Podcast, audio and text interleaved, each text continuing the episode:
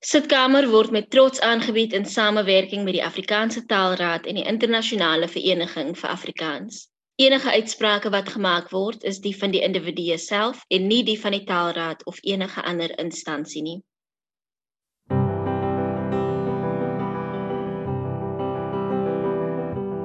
Dames en here, vergun my om u voor te stel aan Breiten Breitenberg.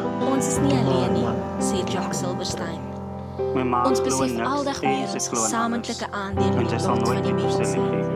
Bly by my Eensaamheid. wanneer jy met uiltjies sodat ek vergeet van my afslag.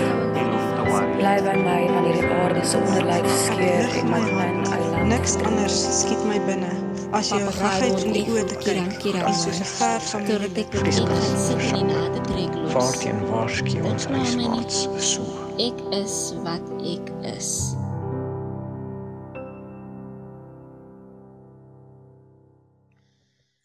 Welkom in die sitkamer. Saam met my is vandag Ramona, Bibi, Janine, Earl, Alwyn en ek is Mercy Kannemeyer. Ek woon in Stellenbosch en ek is 'n teatermaker, skrywer, meningsvormer, navorser en lekker mens. Hier in die sitkamer praat ons oor Afrikaanse letterkunde, so maak jouself gemaklik. Hoe lyk jou sitkamer? Janine, ek is nuuskierig. Sjoe, ek sal ek sal eerder vir jou iets vertel van wat ek onthou van 'n sitkamer as wat ek nou uitwy oor my eie sitkamer want dit voel vir my ja, dit sit my bietjie op die spot. Ek is Janine Linde.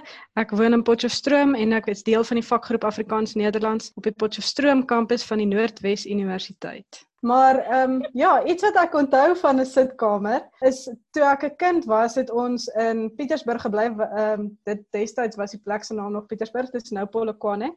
Dis daar in die noorde van die land en ehm um, daar onthou ek op Sondagmiddag was dit absolute doodse stilte in die dorp en as jy in 'n dominee se huis groot geword het soos wat ek het, dan was daar 'n sitkamer wat 'n heilige terrein was.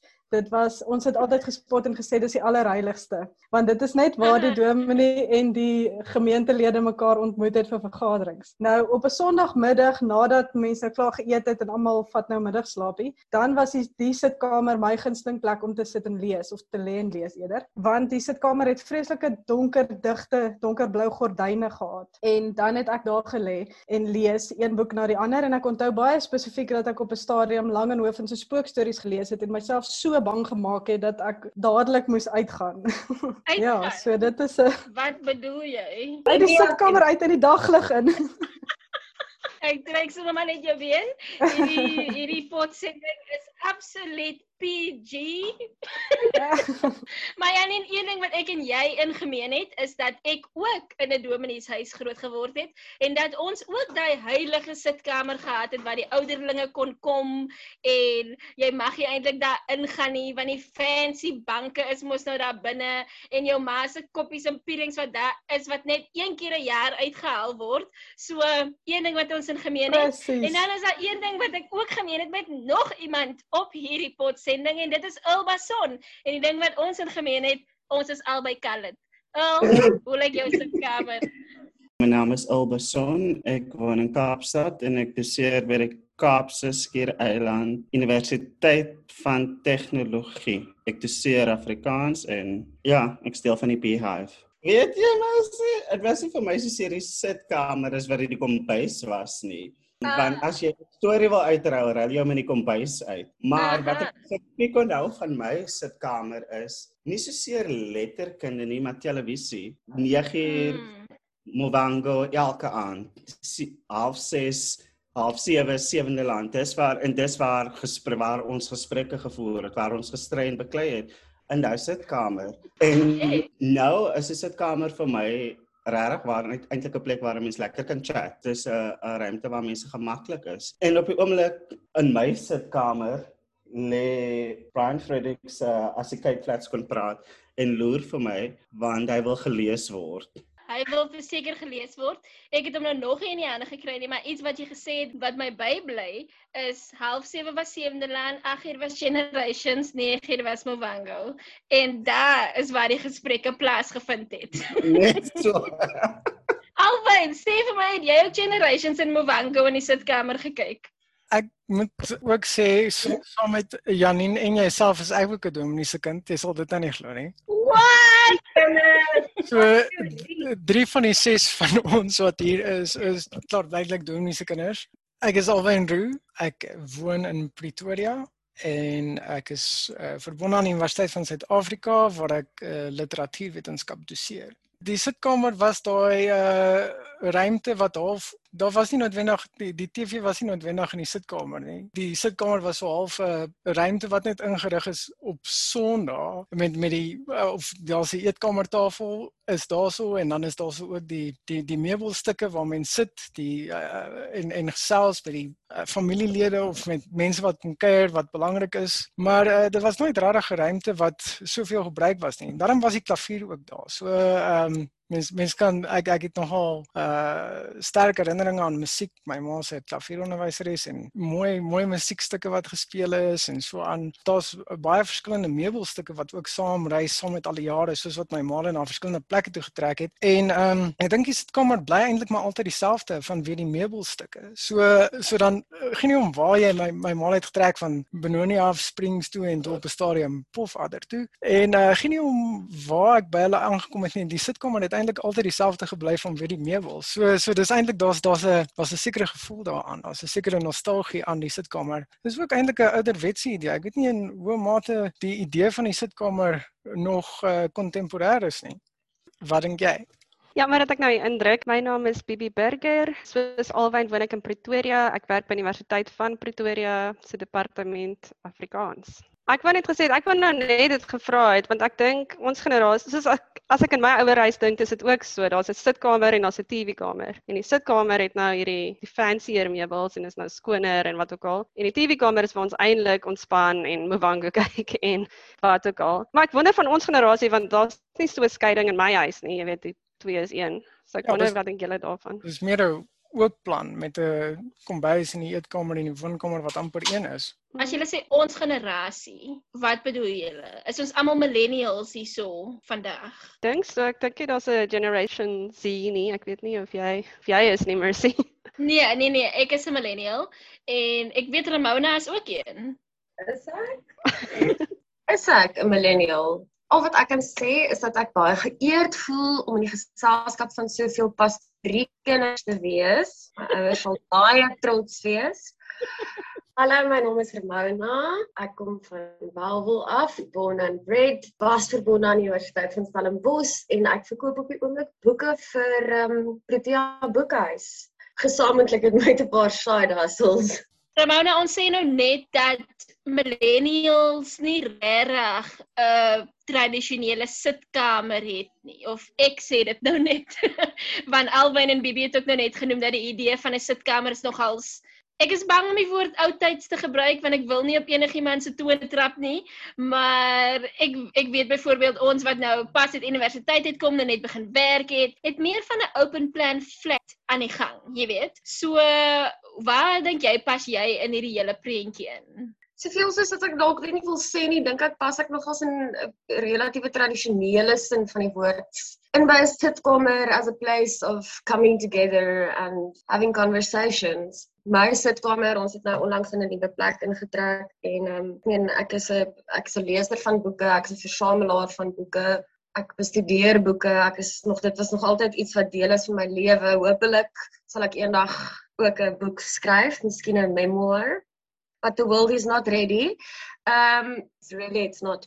Um maar vir my is 'n sitkamer ook 'n plek van om gesellig in te wees, om idees uit te ruil, om om saam te eet, om saam te kuier, om saam na musiek te luister, om idees uit te ruil. En op die einde van die dag is dit wat vir my baie cool is van hierdie podcast waarmee ons nou besig is, want dis mense van verskillende agtergronde en lewenspaaie wat geleentheid kry om te praat oor goed wat hulle opgewonde maak en daai um die universal theme being books and literature and writers en dit is vir my 'n besondere voorreg om te kan deel wees van so 'n groep mense waar mense hierdie tipe goed kan bespreek, 'n platform waar mense hierdie tipe goed kan bespreek.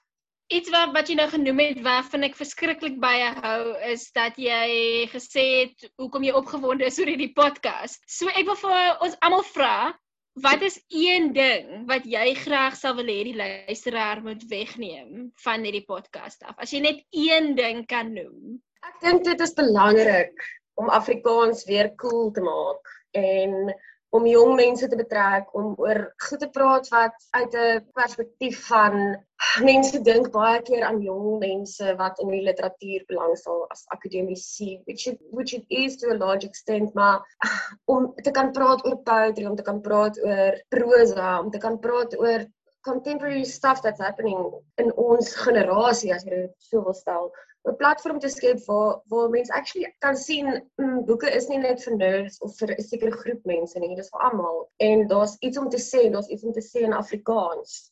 Ja, wat ek nou gedink het is dit is gesprekke wat klaar plaasvind. Dis die tipe gesprekke wat ons klaar dink ek almal van ons in ons sitkamers het oor 'n glas wyn en met ons vriende. Maar om dit bietjie te vat na die die publieke sfeer dat ander mense kan hoor hierdie gesprekke vind plaas. Dis nie net soos jy sê, dis nie die gesprekke wat ons reeds sien op in die Afrikaanse media nie. Daar is ander gesprekke wat ook plaasvind.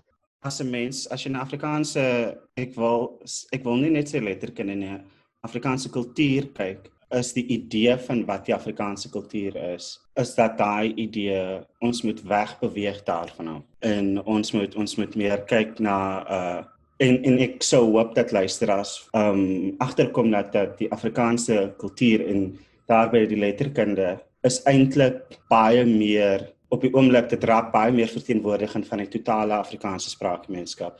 Daai verteenwoordigende aard waarna toe ons beweeg nou, gee vir ons elkeen 'n ruimte binne die Afrikaanse taalgemeenskap en dis wat ek sou hoop dat die luisteraars moet voel dat hulle behoort by hierdie podcast. Dankie Il. Ja nee, ek ek dink uh, wat julle almal sê is is baie relevant en baie goed. Uh die sitkamer vir my, ek ek wil graag teruggaan na die woord sitkamer toe. Uh etimologies van aard. Ons gaan kyk na wat beteken hierdie watter watter betekenis assosiasies is daar alles aan die woord sitkamer? En wat op 'n konkrete vlak kry in 'n sitkamer? Byvoorbeeld die meubels ons kry rusbanke waarop ons kan sit. Ons kan hierdie plek weer inrig waar ons met mekaar vanuit 'n ongemaklike posisie waar ons sit en mekaar staar in die oë beweeg na 'n plek waar ons regtig met mekaar in gesprek kan tree en dan al hoe meer gemaklik raak en meer deel van onsself tot die punt waar ons kom en ons kan opstaan en sê maar ek wil nou 'n gedig lees. Ek het 'n mooi gedig gelees oor wat Rim uh, Rimbaud geskryf het wat Marlene van die kerk vertaal het in Afrikaans en dan gaan dit iets soos die kas wat sonder sleutel was, die sonder sleutel kas. Hoe kan ons droom van die geheime agter sy skug en donker skorte? Uh hoe ons verbeel dat uit die sleutelgat 'n suising klink, 'n verre wat wat s'ie woord 'n verre blye murmurering. So so laat laat ons al meer van van 'n woord sitkamer kan ons onsself 'n konkrete ding indink en dan raak dit al meer abstrakt soos wat ons betekenis assosiasies daarmee inbring, maar dan kan ons teruggaan na meubelstukke toe en dink aan nou maar wat het hierdie meubelstuk nou weer beteken? En waarop maak hierdie kas oop en dan sien ons o, maar dis 'n wonderwêreld wat ons verder kan verken en dan sodoende deur die woord onsself beter leer ken, maar mekaar ook beter leer ken.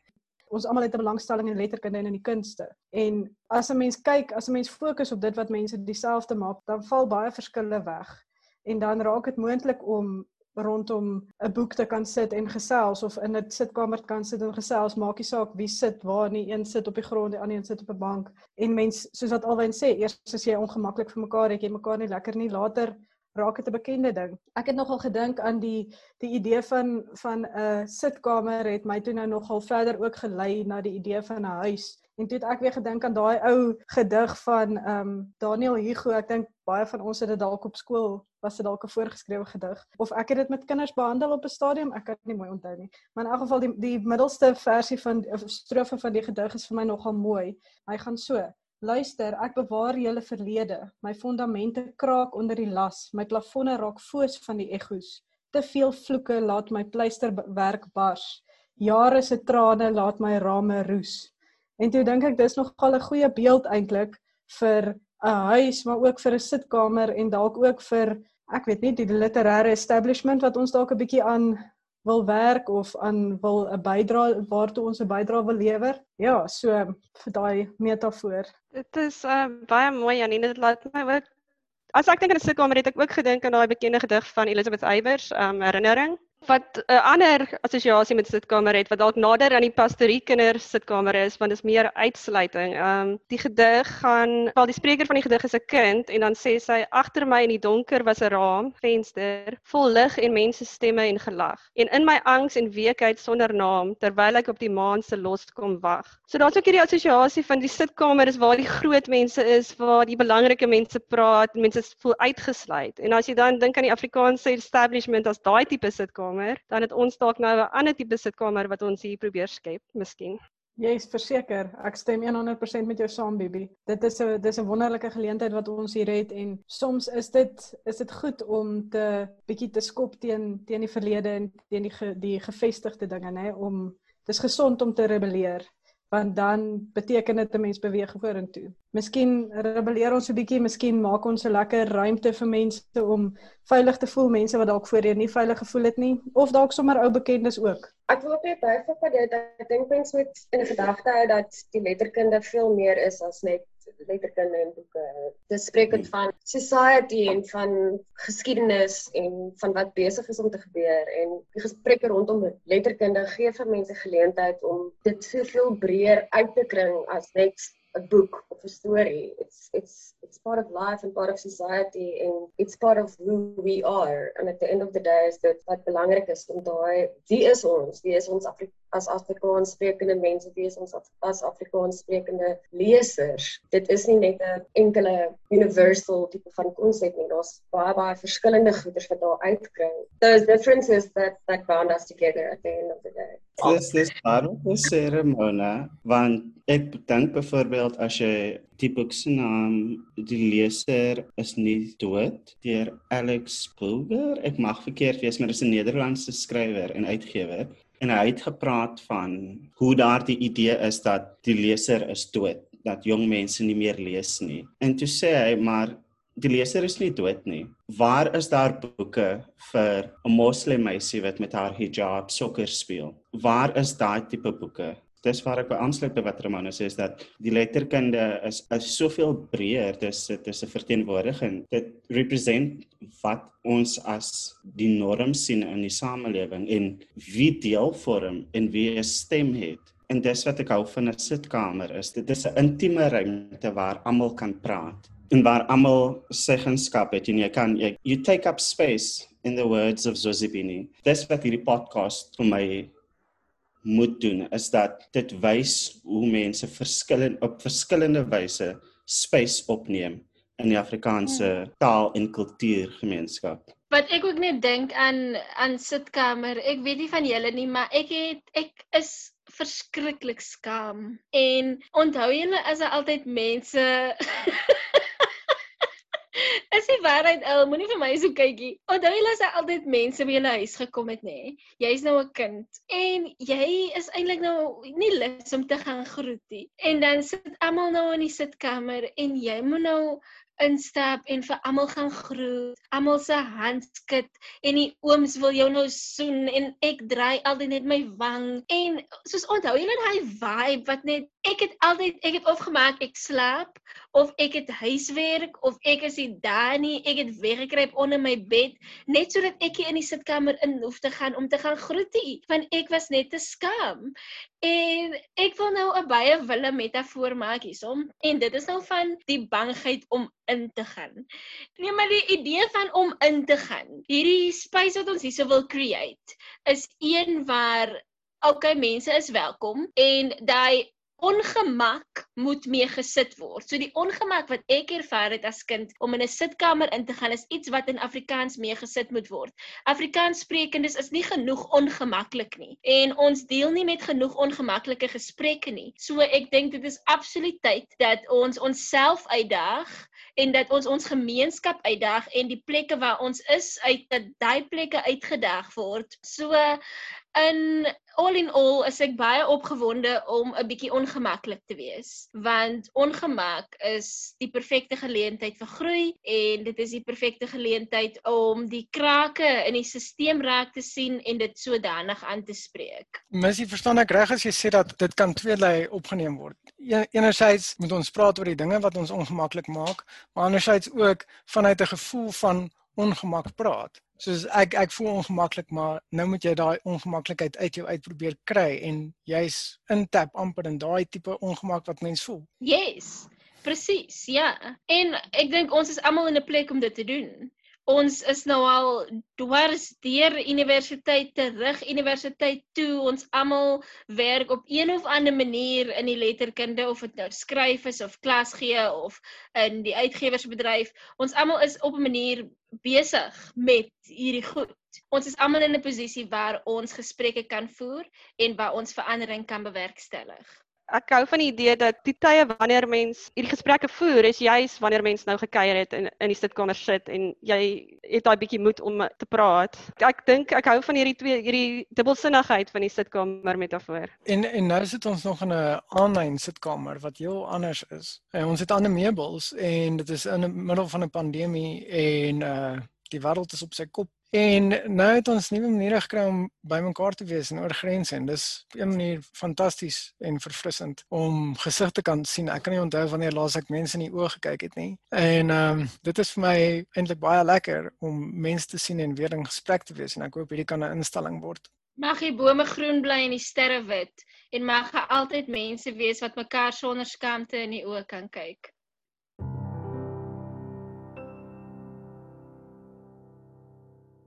Alwyn Roo gesels vandag met Yves Tune. Yves is aangestel as hoogleraar Nederlandse literatuur en is verbonde aan die vakgroep Letterkunde by die Universiteit Gent. Hy is ook aangestel as 'n buitengewone professor aan die Departement Afrikaans en Nederlands van die Universiteit van Stellenbosch en is deeltyds werksaam aan die Karels Universiteit in Praag, Tsjechië. Hy lewer teksedisies van moderne Vlaamse literatuur en publiseer akademiese artikels oor Nederlandstalige en Afrikaanse poësie. Hy werk dan ook intensief saam met Alwyn as deel van Unisa se Vision Keepers program. Ek kuier vandag by professor Yves Tune van die Universiteit Gent oor die Gentse Sentrum vir Afrikaans en die studie van Suid-Afrika. Goeiedag professor Tune en welkom by Sitkamer. Goedemiddag Alwin. Hartelijk dank voor die uitnodiging om deel uit te maken van uh, dit nieuwe initiatief dat ik uh, bijzonder waardeer. Ons is baie bly om jou hier te hê. Eerstens 'n vraag wat dien as 'n ysbreker. Ek het gewonder of jy bekend is met die woord eh, sitkamer en indien wel, kan jy enigiets onthou van die sitkamer in jou grootwordjare? Dit wil sê toe jy nog 'n kind in jou ouers huis was.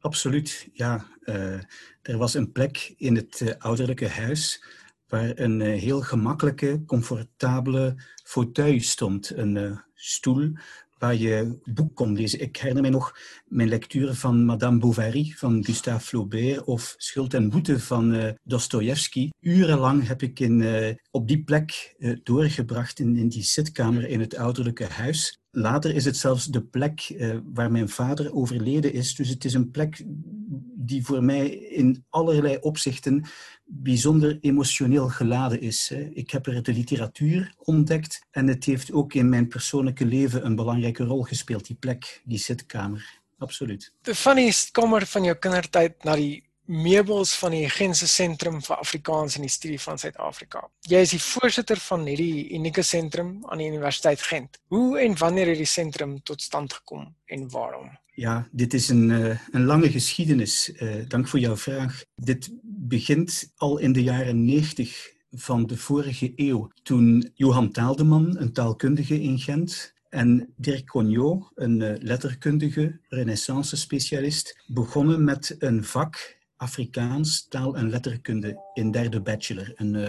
optioneel vak. En toen in de jaren 2000 ik dit van mijn collega kon overnemen, toen heb ik samen met de collega's taalkunde niet alleen dit vak aangeboden, maar hebben wij ook een soort samenwerkingsverband tot stand gebracht. In 2013 kwam dit tot stand. Eh, in 2016 werd het een onderzoeksgroep, het Gentse Centrum voor het Afrikaans en de Studie van Zuid-Afrika.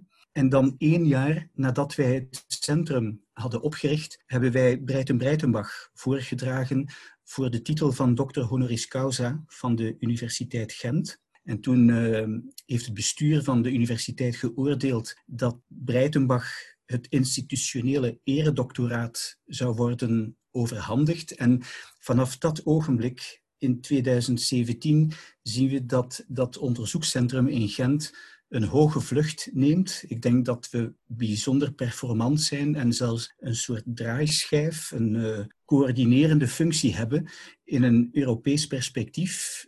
Wij organiseerden toen, toen Breitenbach de titel van eredokter ontving, elk jaar een colloquium. In uh, oktober hebben wij jaarlijks een colloquium Daarnaast bestaat een leeskring Afrikaanse letterkunde in Gent. Wij hebben uh, workshops. Uh, wij organiseren heel veel activiteiten naast het academisch onderwijs. En sinds twee jaar hebben wij nu ook voor masterstudenten een vak talen en literaturen van Zuid-Afrika. Naast het bachelorvak, het keuzevak dat wij aanbieden. Dus op die manier uh, mag ik wel zeggen dat de studie van het Afrikaans en breder de meertaligheid in Zuid-Afrika in Gent een uh, vaste voedingsbodem heeft gevonden en dat wij dus heel erg actief zijn en dat het aantal plannen bijna exponentieel nog toeneemt in de nabije toekomst. Dit is fantasties. Wie is tans aan boord van die sentrum en watter projekte is in die pipeline?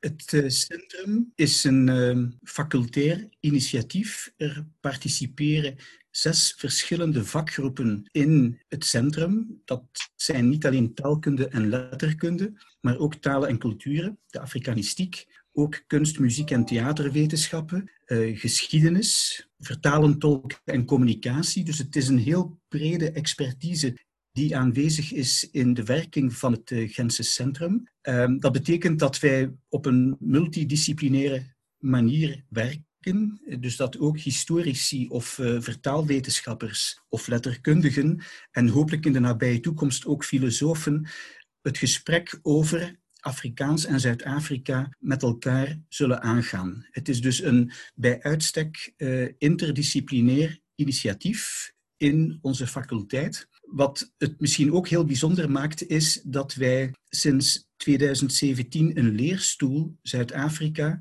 talen, literaturen, cultuur en maatschappij hebben opgericht, waarbij elk jaar een Zuid-Afrikaans onderzoeker, een uh, academica of academicus, een semester lang te gast is en gastcolleges aanbiedt voor onze studenten. Dat was als eerste Hein Willemse van de Universiteit Pretoria, letterkundige. Toen kwam Banny Karstens van Noordwest Universiteit als taalkundige. De laatste keer hadden we Louise Viljoen van Stellenbosch op bezoek en Quinton Williams zou vorig jaar onze leerstoelbekleder zijn, maar vanwege de pandemie hebben wij dit moeten uitstellen tot 2021. En ik mag ook een primeur verklappen in die zitkamer, namelijk wij willen als vijfde leerstoelbekleder, en we hebben die vraag al formeel gesteld en een gunstig antwoord gekregen, Marleen van Niekerk. Marleen van Niekerk, die thans in eh, Nederland woont, zij zal als literair auteur, filosoof en ook kritisch opiniemaker de vijfde leerstoelbekleder zijn in Gent. En dat wordt, uh, uh, denk ik, heel erg bijzonder. En als ik nog één elementje mag toevoegen. De Universiteit Gent financiert een programma Writer in Residence. En als eerste internationale gastschrijver hebben wij Ankie Krog bereid gevonden om gedurende twee maanden onze gast te zijn. Dit zou ook vorig jaar plaatsvinden, oktober, november, maar dus vanwege de epidemie is dit uitgesteld tot oktober, november 21 de aanwezigheid van Ankie Krog zal voor het Gentcentrum natuurlijk ook weer een, uh, een belangrijk moment zijn in, de, in het groeiproces dat we op dit moment doormaken. Maar heel veel projecten zitten in de pijplijn, absoluut. Ja, ek nou gewonder daar is nou die uh, skrywer in residensieprogram, Writer in Residence en ook die leerstoelprogram. Is daar 'n verskil tussen die leerstoelprogram taal en letterkunde teenoor die skrywerresidensie? Ja, de leerstoel is per definitie academisch. Dus dit eh, gaat over een eh, wetenschappelijk onderzoeker in de vakgebieden taalkunde, letterkunde. En die onderzoeker biedt gastcolleges aan aan de studenten in Gent. Zowel de bachelorstudenten als de masterstudenten. Om een idee te geven, wij hadden 34 studenten dit jaar vorig semester die het vak Afrikaans taal en letterkunde in het curriculum hebben opgenomen. Dus dat is een uh, bijzonder hoog aantal studenten die belangstelling hebben voor cultuur, literatuur, uh, voor de taalgeschiedenis van het Afrikaans. En dat is zeer bemoedigend, hè, dat zoveel jonge mensen een oprechte belangstelling hebben voor een opleiding uh, Afrikaans, althans keuzevakken die, die wij aanbieden. Het programma Writer in Residence is meer een cultureel initiatief. Het is een literair auteur, zoals Ankie Krog, die gedurende twee maanden lezingen aanbiedt uh, voor studenten, maar ook voor collega's, ook buiten de universiteit. Zij wordt uitgenodigd in culturele instituten, uh, waar ook andere belangstellenden uiteraard op bezoek kunnen komen. En we hebben al een heel mooi programma uitgewerkt voor Ankie Krog. Zij zal een, een drukke baan hebben in Gent. En uh, Daniel Hego was zelf ook bij jullie geweest als een vertaler uh, in residentie bij jullie geweest. Waar dit dan op hetzelfde principe als die schrijver in residentie? Ja, dat is ongeveer naar analogie. In 2018 was Daniel Hugo vertaler op campus. Hij was twee maanden te gast in Gent. Hij heeft toen Benno Barnard en Um, moet ik even nadenken, de auteur van Die Zingende Wereld, Mark Tritsmans, uh, vertaald in Afrikaans. En hij begon ook aan zijn meesterlijke vertaling van Het Verdriet van België van Hugo mm. Claus, ondertussen verschenen bij Protea Boekhuis. We hebben ook een prachtige presentatie samen kunnen uh, modereren met vertaler en ook met de Vlaamse schrijfster Saskia de Koster. Het was een, uh, een prachtig moment in deze online tijden. Daniel Hugo was bijzonder actief. Ik organiseerde toen ook samenkomsten, onder andere met bekende Vlaamse schrijvers, Tom Lanois en Stefan Hertmans of met Mirjam van Hee. En ik moet zeggen, dat was niet alleen voor de studenten of voor mezelf, maar ook voor Daniel en die schrijvers een uh, heel erg interessante samenkomst. Inderdaad, het programma Writer in Residence is natuurlijk in dit geval een literair auteur, wij wilden in elk geval ook de literaire vertaling meer aandacht geven. Doorgaans worden vertalers eh, net iets minder in de schijnwerper geplaatst. Eh, en aangezien Daniel Hugo meer dan 50 titels heeft vertaald uit de Vlaamse en de Nederlandse literatuur, dan was het natuurlijk van groot belang, vind ik, om zo'n belangrijk cultureel bemiddelaar tussen Afrikaans en Nederlands ook een publiek forum te geven. En ik herinner mij de samenkomst met eh, Hertmans en Lanois. Dat was in een eh, zeer goed gevuld auditorium in aanwezigheid van de decaan. En dit was voor mij ook belangrijk om uh, het aspect van de literaire vertaling ook in een academische setting meer aandacht te geven dan tot nog toe het geval is. En Daniel is natuurlijk de ideale gesprekspartner. Iemand die zoveel jaren op zijn teller heeft als vertaler, dat het uh, altijd een genoegen is, een uh, groot privilege om uh, met zo iemand te kunnen praten over Nederlandstalige literatuur in Afrikaans. Julle het ook die Genese colloquium vir Afrikaans elke twee jaar by Gent.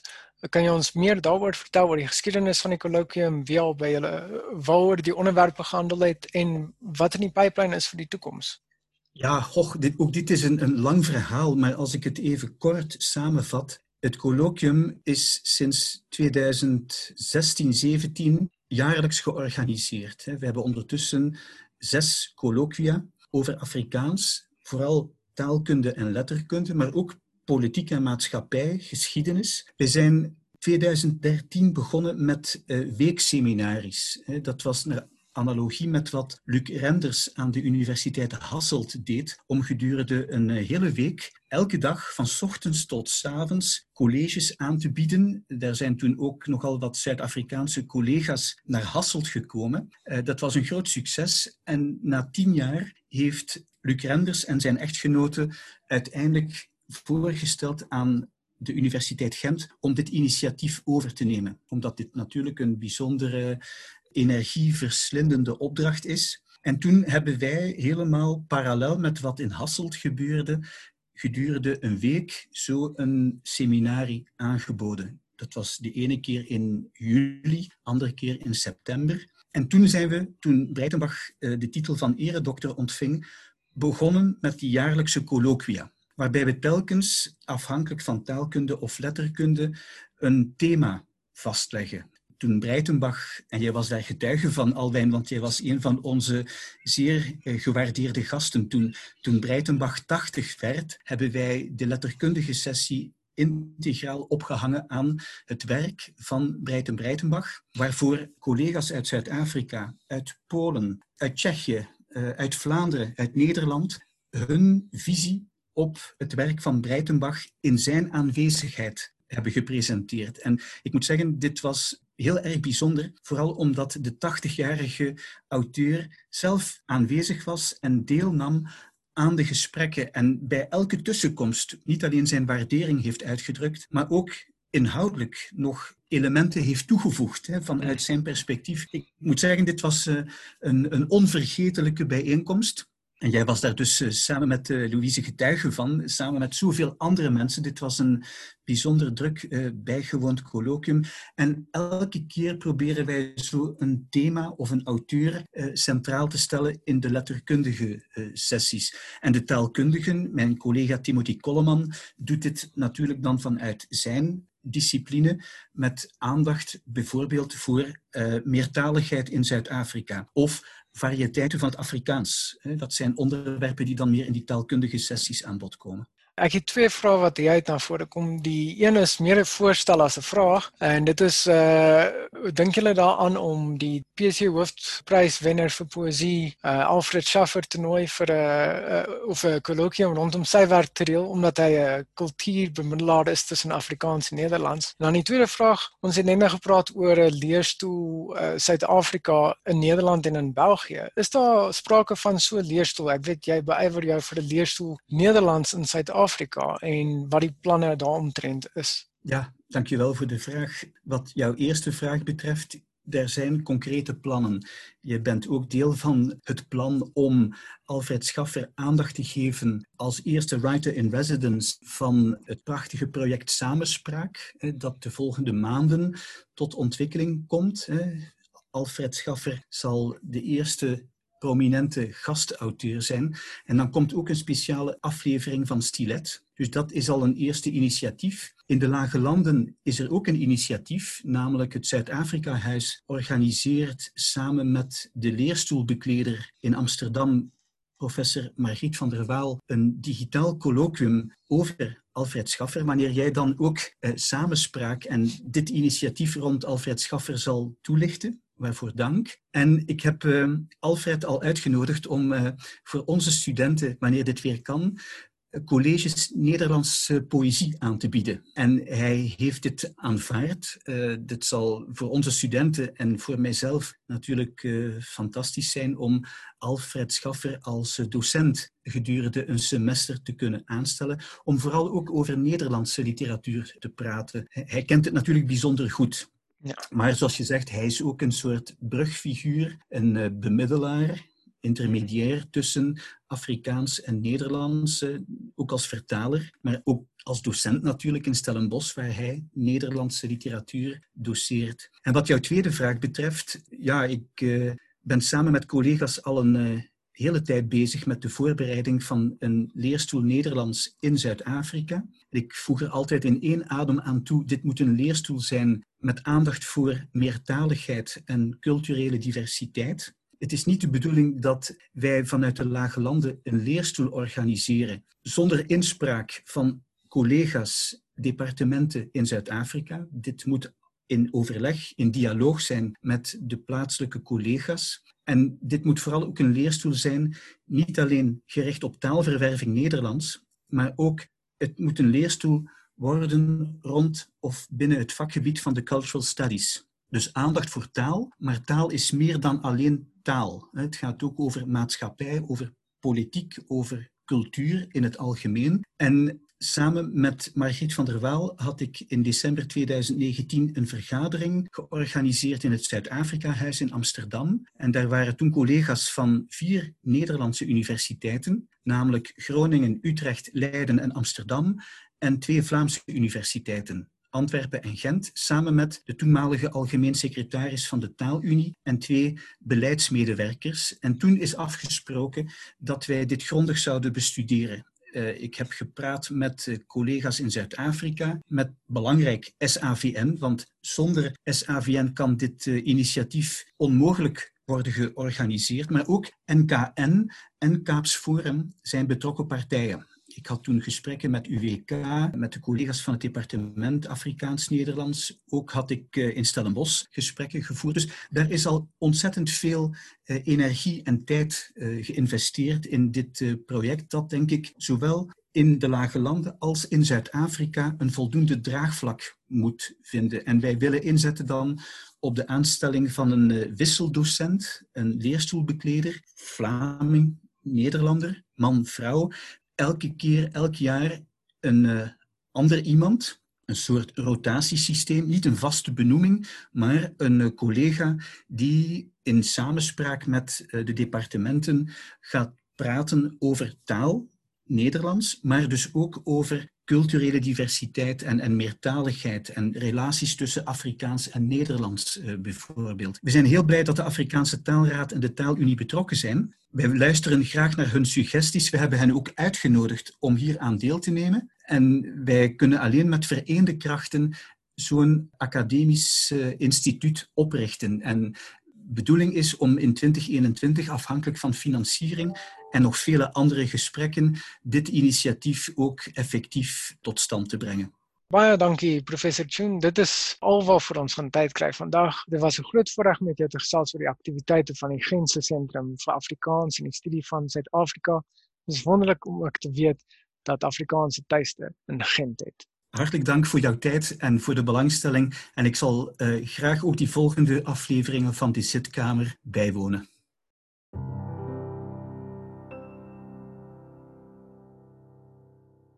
Ek gesels ook in hierdie episode saam met Dr. Alfred Schaffer. Alfred woon sedert 1996 in Suid-Afrika en hy is 'n bekende Nederlandse digter en hy is ook verbonde aan die Departement van Afrikaans en Nederlands by Stellenbosch Universiteit. Alfred ontvang onlangs die PC Hoofprys vir sy poësie oeuvre.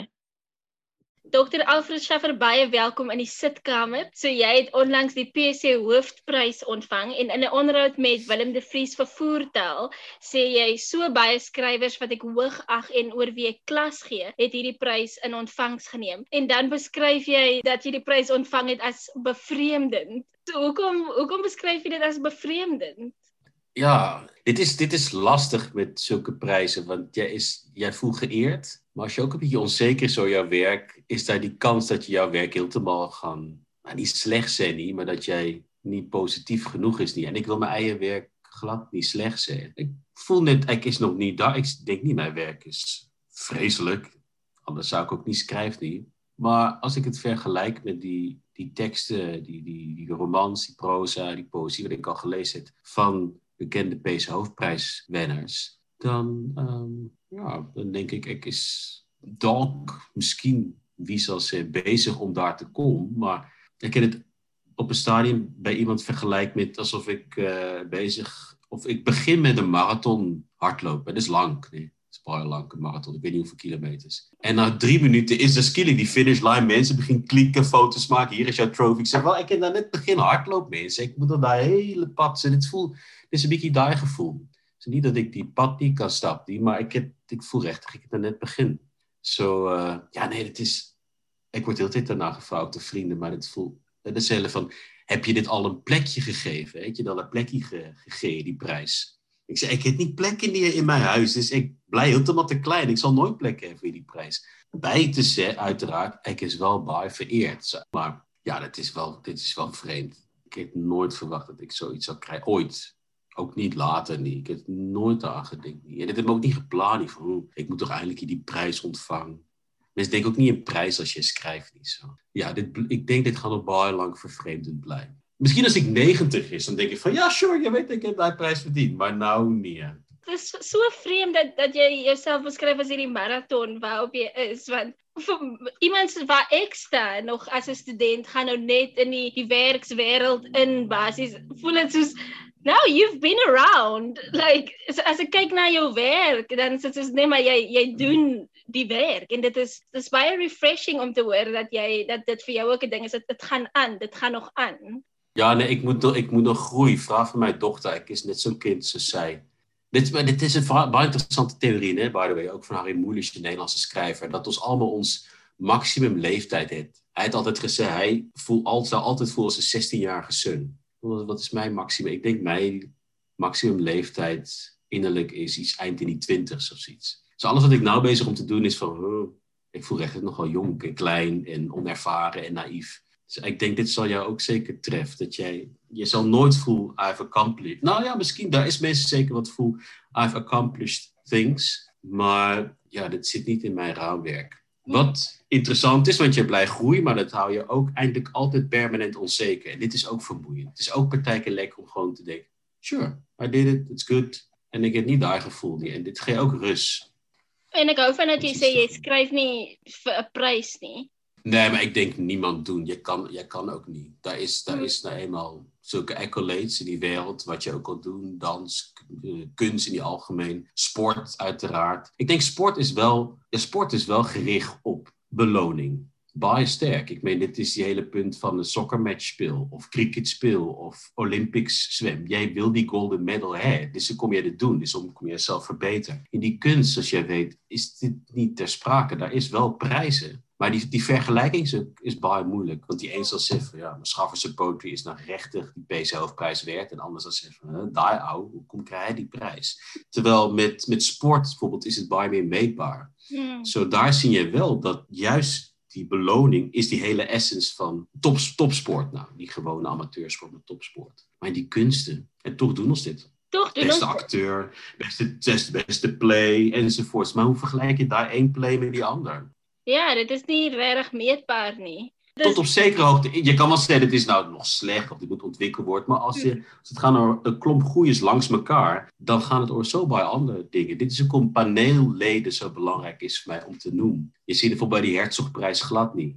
Alsof het een soort van objectieve mening is. Maar je, je kan amper verzekerd zijn, als dit vijf andere mensen was, dan zou ook een ander roman of dichtpunt of wat drama die Herzogprijs gewinnen. Zo, dat gaan ook in over individuen bij sterk. Als het gaat om prijzen en kunst. Which is fine, maar je moet net wel erkenning daaraan geven. In die persverklaring van die PC hoofprys staan en ek gaan nou my beste Nederlandse aksent hierso probeer. Moenie vir my Wait lag. for it. Okay, so in die persverklaring staan, Schaffers is nooit los te sien van die konteks van Suid-Afrika. Het land waar hy sinds 1996 met een onderbreking van enkele jaren woonagtig is. In zijn gedichten resoneert de verhouding tussen wit en zwart regelmatig, ook vanwege de persoonlijke achtergrond van de dichter. Hoe was mijn Nederlands? Het jy dit verstaan? Ik heb alles verstaan. Dit is fantastisch. Foutloos. Ja, nee, rechter. Goed gedaan. Ja, dat is baie, beter dan Afrikaans. toe ons nou Nederlands weer, hier is nou van die topic af, maar ek wil net vir toe ons Nederlands weer gedoen het en ons leer nou net hoe om hierdie taal te praat. Wat my aangetrek het was die manier hoe dit klink. Dit klink dit so lekker vloei aan dit en soos dit klink so ek weet nie, dit was net so ek het dit seker ge-exoticize wat seker nou nie reg is van my nie, dis nie by 'n PC nie, maar dit het net so lekker geklink. En dan het ek met my vriende Afrikaans gepraat, maar met 'n Nederlandse aksent. Ah, cool. Dit is mij juist nice als die witcultuur geëxoticized wordt. In, in plaats van die other way around. So, dat is baie goed.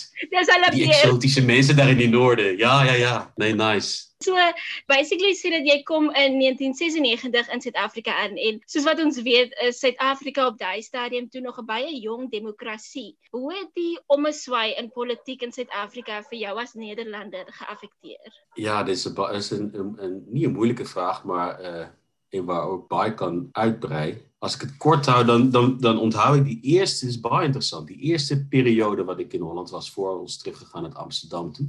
Weet ik aan die einde was er twee dingen. Ik was mal oor die land, dus ik kon ik hier zo lang gebleven toen bij UCT, mijn PhD gedaan heb en baie vrienden gemaakt. Maar wat ik toen baie goed onthoud, is die feit dat, hoewel die land baie groot is, geografisch, dat ik het gevoel heb, jij, rijdt met je car voor zes uur en jij is eerst in Boven voor West, bij wijze van spreken. Dus ik heb het geografisch een klein beetje, be- niet meer nou niet, maar toen had ik benauwd gevoel. Terwijl in, in Europa, dan is je al lang in Polen of in Frankrijk of in Spanje. Het is een andere cultuur. En in die tijd ook weer, niet nou niet, maar dat heeft mij wel laten denken later, was ik een beetje moe voor die feit dat alles, al die debatten op kleur gegooid is. It's because you're white. It's because you're black. It's because you're brown. En ik, omdat ik half het ik hier eerst uitgevind ondefinieerbaar is voor baie mensen. Van waar is jij nou eindelijk? Jij is bruin, maar jij is ook van Europa, maar jij is ook van Aruba. Ehm, jij is Nederlands, maar jij is ook een soort van een postkoloniale product. Ik moest me altijd een soort definiëren op identiteit. En dat heeft mij nogal moe gemaakt. Ik heb in die tijd nog dreadlocks gehad bijvoorbeeld. Dit was voor mij, dit is net een, iets uiterlijks. Maar direct was die benadering van die mensen op straat in die stad, in Kaapstad of waar al, wat zo anders is.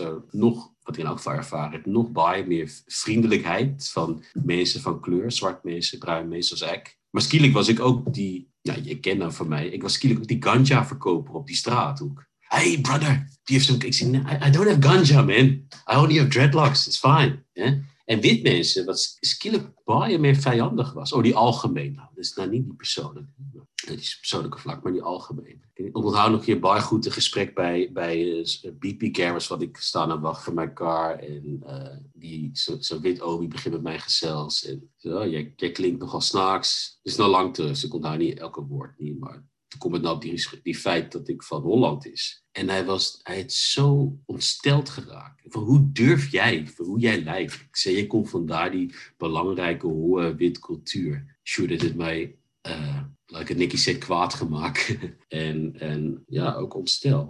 Het heeft mij laten denken aan mijn tijd in Holland toen ik jonger was. Want in het algemeen heb ik in Nederland, als ik het dan moet vergelijken, baie meer ervarings met racisme gehad als hier. Hier is ik baie meer, voel ik baie meer deel van die community, zolang ik niet mijn mond openmaak. Maar toen ik daar uiterlijke verandering gehad heb, ja, dat is voor mij baie interessant geweest. Ik heb glad niet aan gedenkt, maar toen was ik skielik aan all, of all sides, positief en negatief, anders benaderd. Denk van, ik is nog steeds diezelfde oude. En ik weet van al die aspecten heeft dit mij een beetje moe gemaakt. En was het een soort van een bevrijding zeker om terug te gaan naar Amsterdam toe. Dus niet net omdat mijn pa toen nog geleefd heeft, mijn enige familie toen nog had geleefd heeft. Mijn ma, mijn zuster was al vroeg dood. Maar ook om hiervan weg te komen. Maar dit heeft dus wel een psyche geplant om wel je oor begint na te denken. En nou is het voor mij alsof het ja, alsof ik het ook weggesteken die, die problematiek voor mezelf. Ook door mijn ervarings in Holland. Je weet, weet je, altijd die één bruin is in die wit klasje. Soort, en dat ik niet dit wou face. En door hier die ervarings hier, meer mijzelf opengesteld dat dit wel issues is wat niet net voor die wereld, maar ook voor mijzelf belangrijk is. Dat ik voor mijzelf ook daarover moet nadenken. En die moet schrik voor hoe ik benaderd word, maar daarover nadenken en op reageer. En nou, die, die nieuwe periode na Amsterdam weer terug hier, is dit voor mij helemaal dus anders. En is het bewust daarmee bezig, in die klas daarmee bezig. En is ik niet meer skrikkerig voor dit om zo benaderd te worden, want ik heb nou een weerwoord. Maar ik onthoud daar die eerste periode dat het voor mij amper mij onkant gevangen heeft. En ik van, hoe kom, gaat het net over kleur? En ik van, nou denk ik van, ja, hoe niet?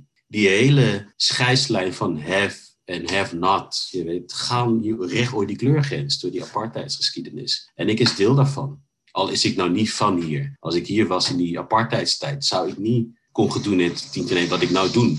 Al is ik dan niet in Zuid-Afrika. Net omdat ik hier die kleur, die afkomst heb. Zo face it. Dus in daardie opzicht heeft het mij ontzettend gevormd, al die jaren in Zuid-Afrika. Ek dink dit wat jy nou sê kan resoneer ook met baie mense wat na apartheid verby is gebore is, soos my generasie en jonger en so, is dat baie kere wil ons sê, hoekom gaan alles nog steeds oor kleur? Hoekom? Maar ek kan sien hoe dit albei kante soos van 'n debat kan justify mense wat net oor dit wil kom en nie daarmee wil deel nie, maar mense wat ook elke liewe keer hulle bestaan op 'n manier moet justify. Maar ek dink dit is ook soos wat jy sê omdat dit nog steeds 'n issue is. Dit is nog steeds sigbaar. Ah. En dit is nie so lank terug nie. My maale was nog in skole in die apartheidstyd. Mense wat nou vir my klas gee, het gebenefit vanuit apartheid. Mense wat met in die straat verbyloop, mense wat my koffie vir my bedien is. Dit is oral nog steeds daar. En ek dink dit is hoekom dit is nie so maklik om net oor dit te kom nie, maar ek hou ook van hoe jy dan sê dat hoe dit jou gevorm het. In die persverklaring skryf hulle ook oor die verhouding tussen wit en swart wat gereeld in jou werk betrokke is. Ek het nou vrae uitgewerk daarvolgens, maar ek wil 'n bietjie net bounce op jou vorige antwoord wat jy gegee het. Hoe voel jy as as dit is hoe jou werk gelabel word of is dit ooit 'n label? Ek weet nie, maar dat dit gekoppel word aan jou werk. Ja, is interessant. Ek dink dit is iets wat hulle veral kan terugsien in die laaste bundels. Ek dink juist in die periode waarvan ik praat, waarin ik begin schrijven te publiceren, zo die eerste periode, zie jij dat het wel ter sprake is, maar baie impliciet. En zeker met die laatste drie bundels is ik bij me head. Die laatste bundel gaan door mij Ma, zwarte vrouw van die Caribische eiland Aruba. Die bundel daarvoor, Kleinkie, daar is zelfs een Engelse gedicht in. Bewust Engelstalig, dus niet een Nederlandse vertaling van ik heb dit in Engels geschreven. Een dialoog tussen een, een dichter en een straatkind. Wat gaan over die en over kleur en wat gaan over klassenstrijd, over armoede versus rijkdom. En die bundel daarvoor, dit is zelfs een Zuid-Afrikaans onderwerp. Dus dit is een soort van retake van Shaka Zulu, gebaseerd op Thomas Mofolo's uh, roman. Uh, ik denk dat vooral daarna gekijk. Alhoewel, ik, ik is zeker, maar ik, ik analyseer niet mijn eigen werk. Ik denk, je kan het terugzien in die eerste dichtbundels ook, maar bij minder sterk. Dat is, ik is bewust daarvan, ik heb het al hoor bij die Alien juist ik denk dat het is wel een label, wat niet onterecht is, maar niet die hele pranky sketch. Maar ik verstaan waar dit vandaan komt en het is voor mij fijn, omdat ik op die ogenblik en die laatste klompje jaren al, nogmaals, zoals ik net gezegd, bijbewust daarmee bezig is. Ja, ook met die, bijvoorbeeld die besef, stel dat mijn ma van hier was, ja, zij zou ook gemarched in die straten. Ze zou net zo, een zwart vrouw. Ze, zou diezelfde. Dit is ook een besef. Nee, dit maakt het persoonlijk. Ons zou niet hiervan uh, gevrijwaard wezen. Ik ook niet. Uh, mijn pa dat niet is, al was het een wit man. Want hoe durf jij iets te met een, met een vrouw met een zwart velkleur? Zo, dit maakt het ook persoonlijk, daar besef. Zo, in dat opzicht vind ik daar label niet. Labels is altijd maar algemeen. Maar ik moet zeggen, daar label is iets waar ik mee kan leven. Ik heb het ook wel raak gelezen. Oh ja, oké, dit is hoe we het zien. Maar goed, dit is ook maar, je moet, ja, je moet iets verpakken als je in zo'n juryrapport iets wil voordragen aan die publiek. En dit is waar voor gekies Maar dit is niet onwaar. Het is niet, dit is niet alles niet, maar ik besef, ik denk ik besef dit ook. Maar het is wel een belangrijk deel van mijn huidige werk. Die verhouding tussen zwart en wit. Toe ek het gelees het, het ek gedink, okay, 'n mens kan nou letterlik na wit en swart gaan kyk. En ek dink toe ook maar miskien is daar ook meer metaforiese assosiasies as 'n mens nou van wit en swart praat. Want wat ek vir jou wil vra is, as jy kyk na die Suid-Afrikaanse poësie landskap, veral Afrikaans, hoe dink jy speel wit en swart nog daarin?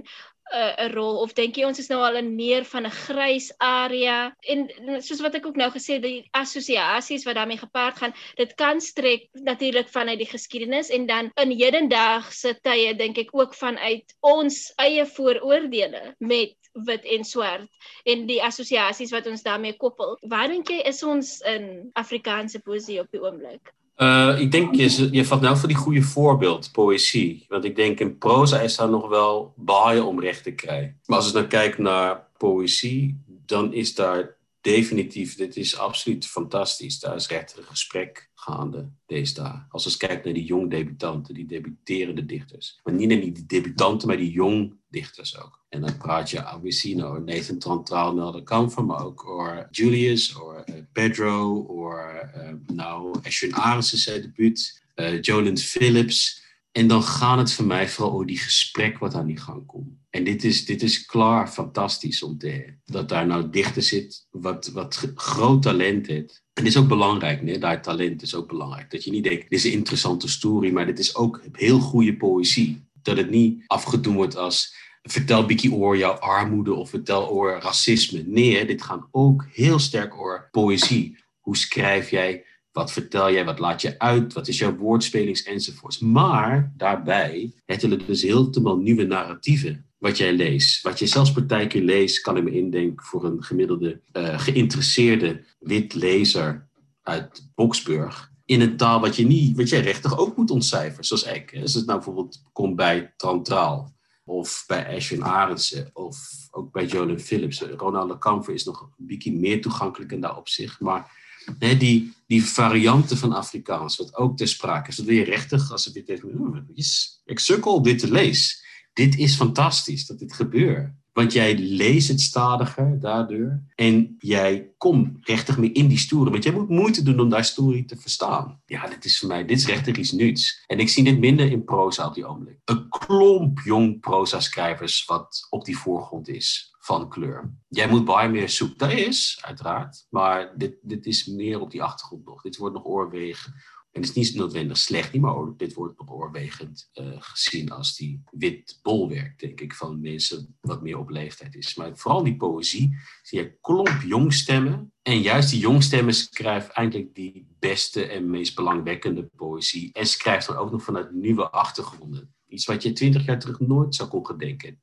Zo, dit is, uh, ik denk in daar op zich is Afrikaanse poëzie op, uh, op een fantastische pad. Waar denk jy staan jy in verhouding tot Afrikaanse en ander Suid-Afrikaanse digters? Dit heeft niet mijn werk veranderd. Mijn perceptie van wat poëzie is. Uh, dit is niet net wat ik ook nog steeds voor mijzelf interessant vind. Het is niet net experiment en probeer om niet te veel te zeggen, maar het is van dat ik meer die poëzie gelezen het en waardeer, leer waarderen. Uh, meer en meer ook iets als een, uh, ja, uh, een means of communication. Dit zal nooit helemaal voor mij wezen, niet.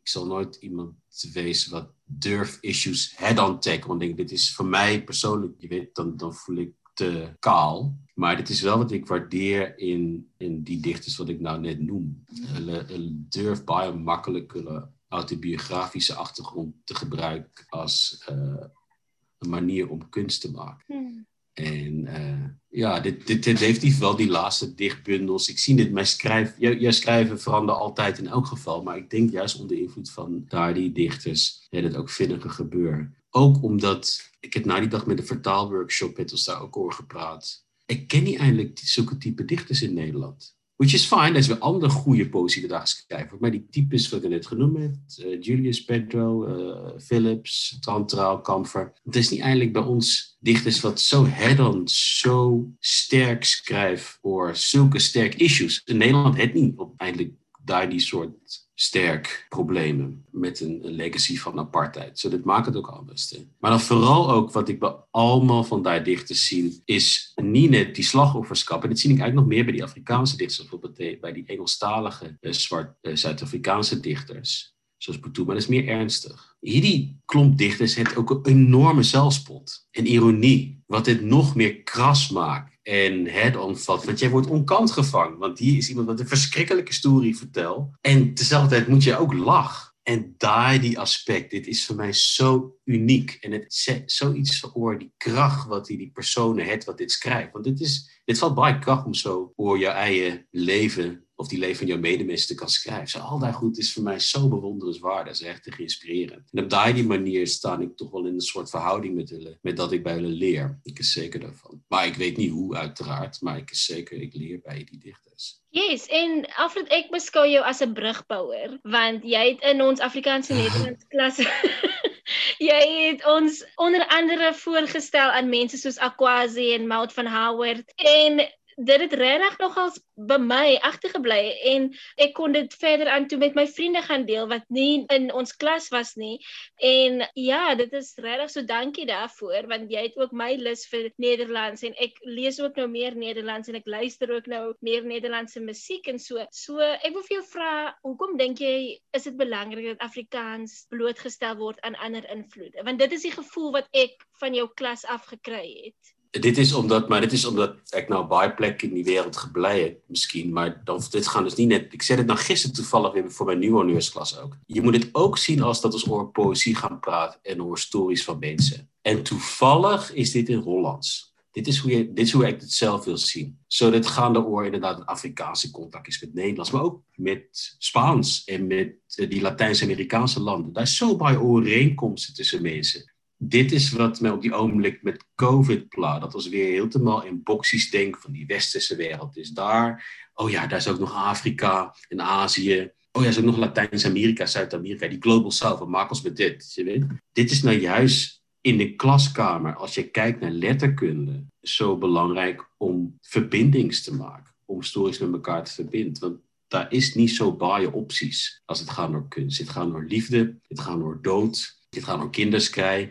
En dan gaat het misschien voor in een Braziliaanse context, of in een Indiase context, of in een context uit comicie. Maar dit is wel steeds diezelfde story. En hoe verbind dit is, dit is wat voor mij interessant is. En I happen to be Dutch. So, ja, dan gaat het bij mij dan over Nederlands. Maar ook weet ik daardoor toevallig dat binnen die Nederlandse context zo baie verschillende stemmen is. Van Aquasi, een zwart een Nederlandse dichter met Afrikaanse roots. Of van Radna Fabias met Caribische roots. Of van Mustafa Situ met Marokkaanse roots en achtergronden. Want allemaal schrijven die die één taal.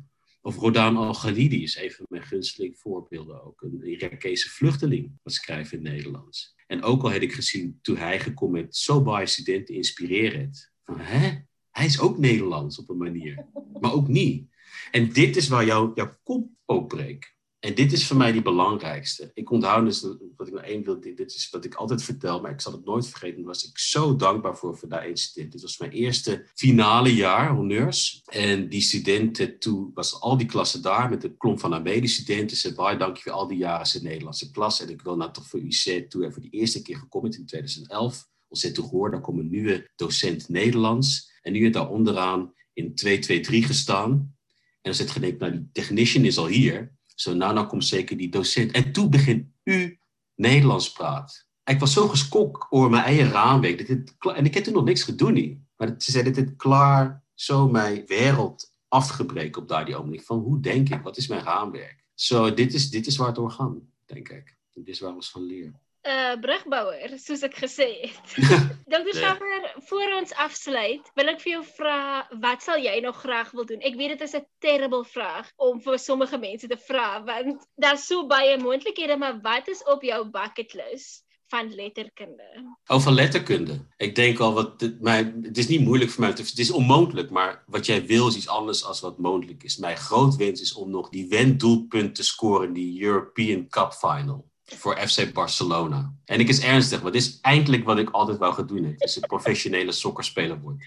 Maar goed, dit, maar letterkunde, letterkunde. Ik heb niet op die ogenblik eigenlijk zoiets niet.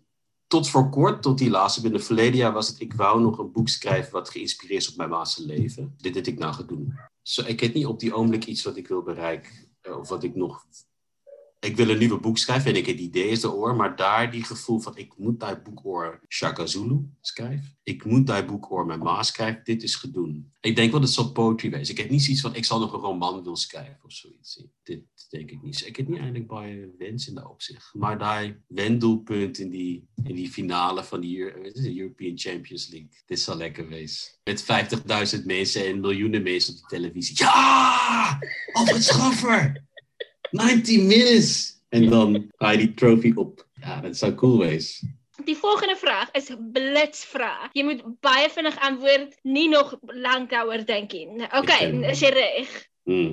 Pizza of pasta? Pizza. Hond of kat? Kat. Paarrym of omarmende rym? Hey, omarmend. Series of movies? Movies. Morfologie of syntaxis? Het is allebei voor mij vrek moeilijk. Uh, morfologie. Dit is vir my ook so moeilik. Laaste een, Willem Anker se buis of Willem Anker se Siegfried? Buis.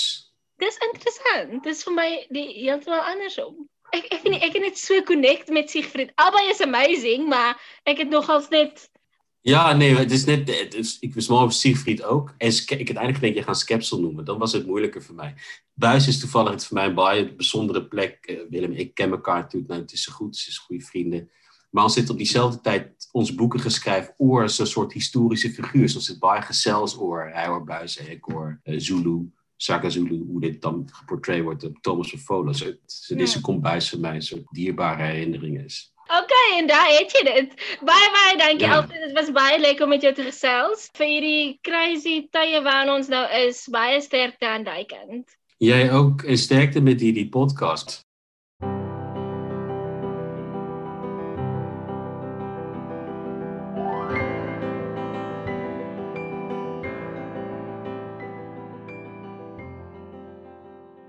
Baie dankie dat jy ingeskakel het vir die eerste aflewering van Sitkamer.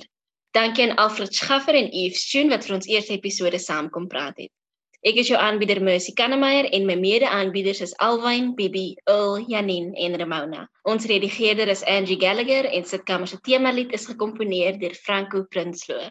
Gaan volg Sitkamer op Facebook en stuur 'n e-pos na sitkamerpod@gmail.com as jy saam wil gesels. Hou jou ore op die grond vir ons volgende episode wat 26 Maart verskyn. Tot volgende keer. Totsiens. Dames en here, vergun my om u Ons is nie alleen nie. My ma glo niks en sy glo niks. Ek is wat ek is.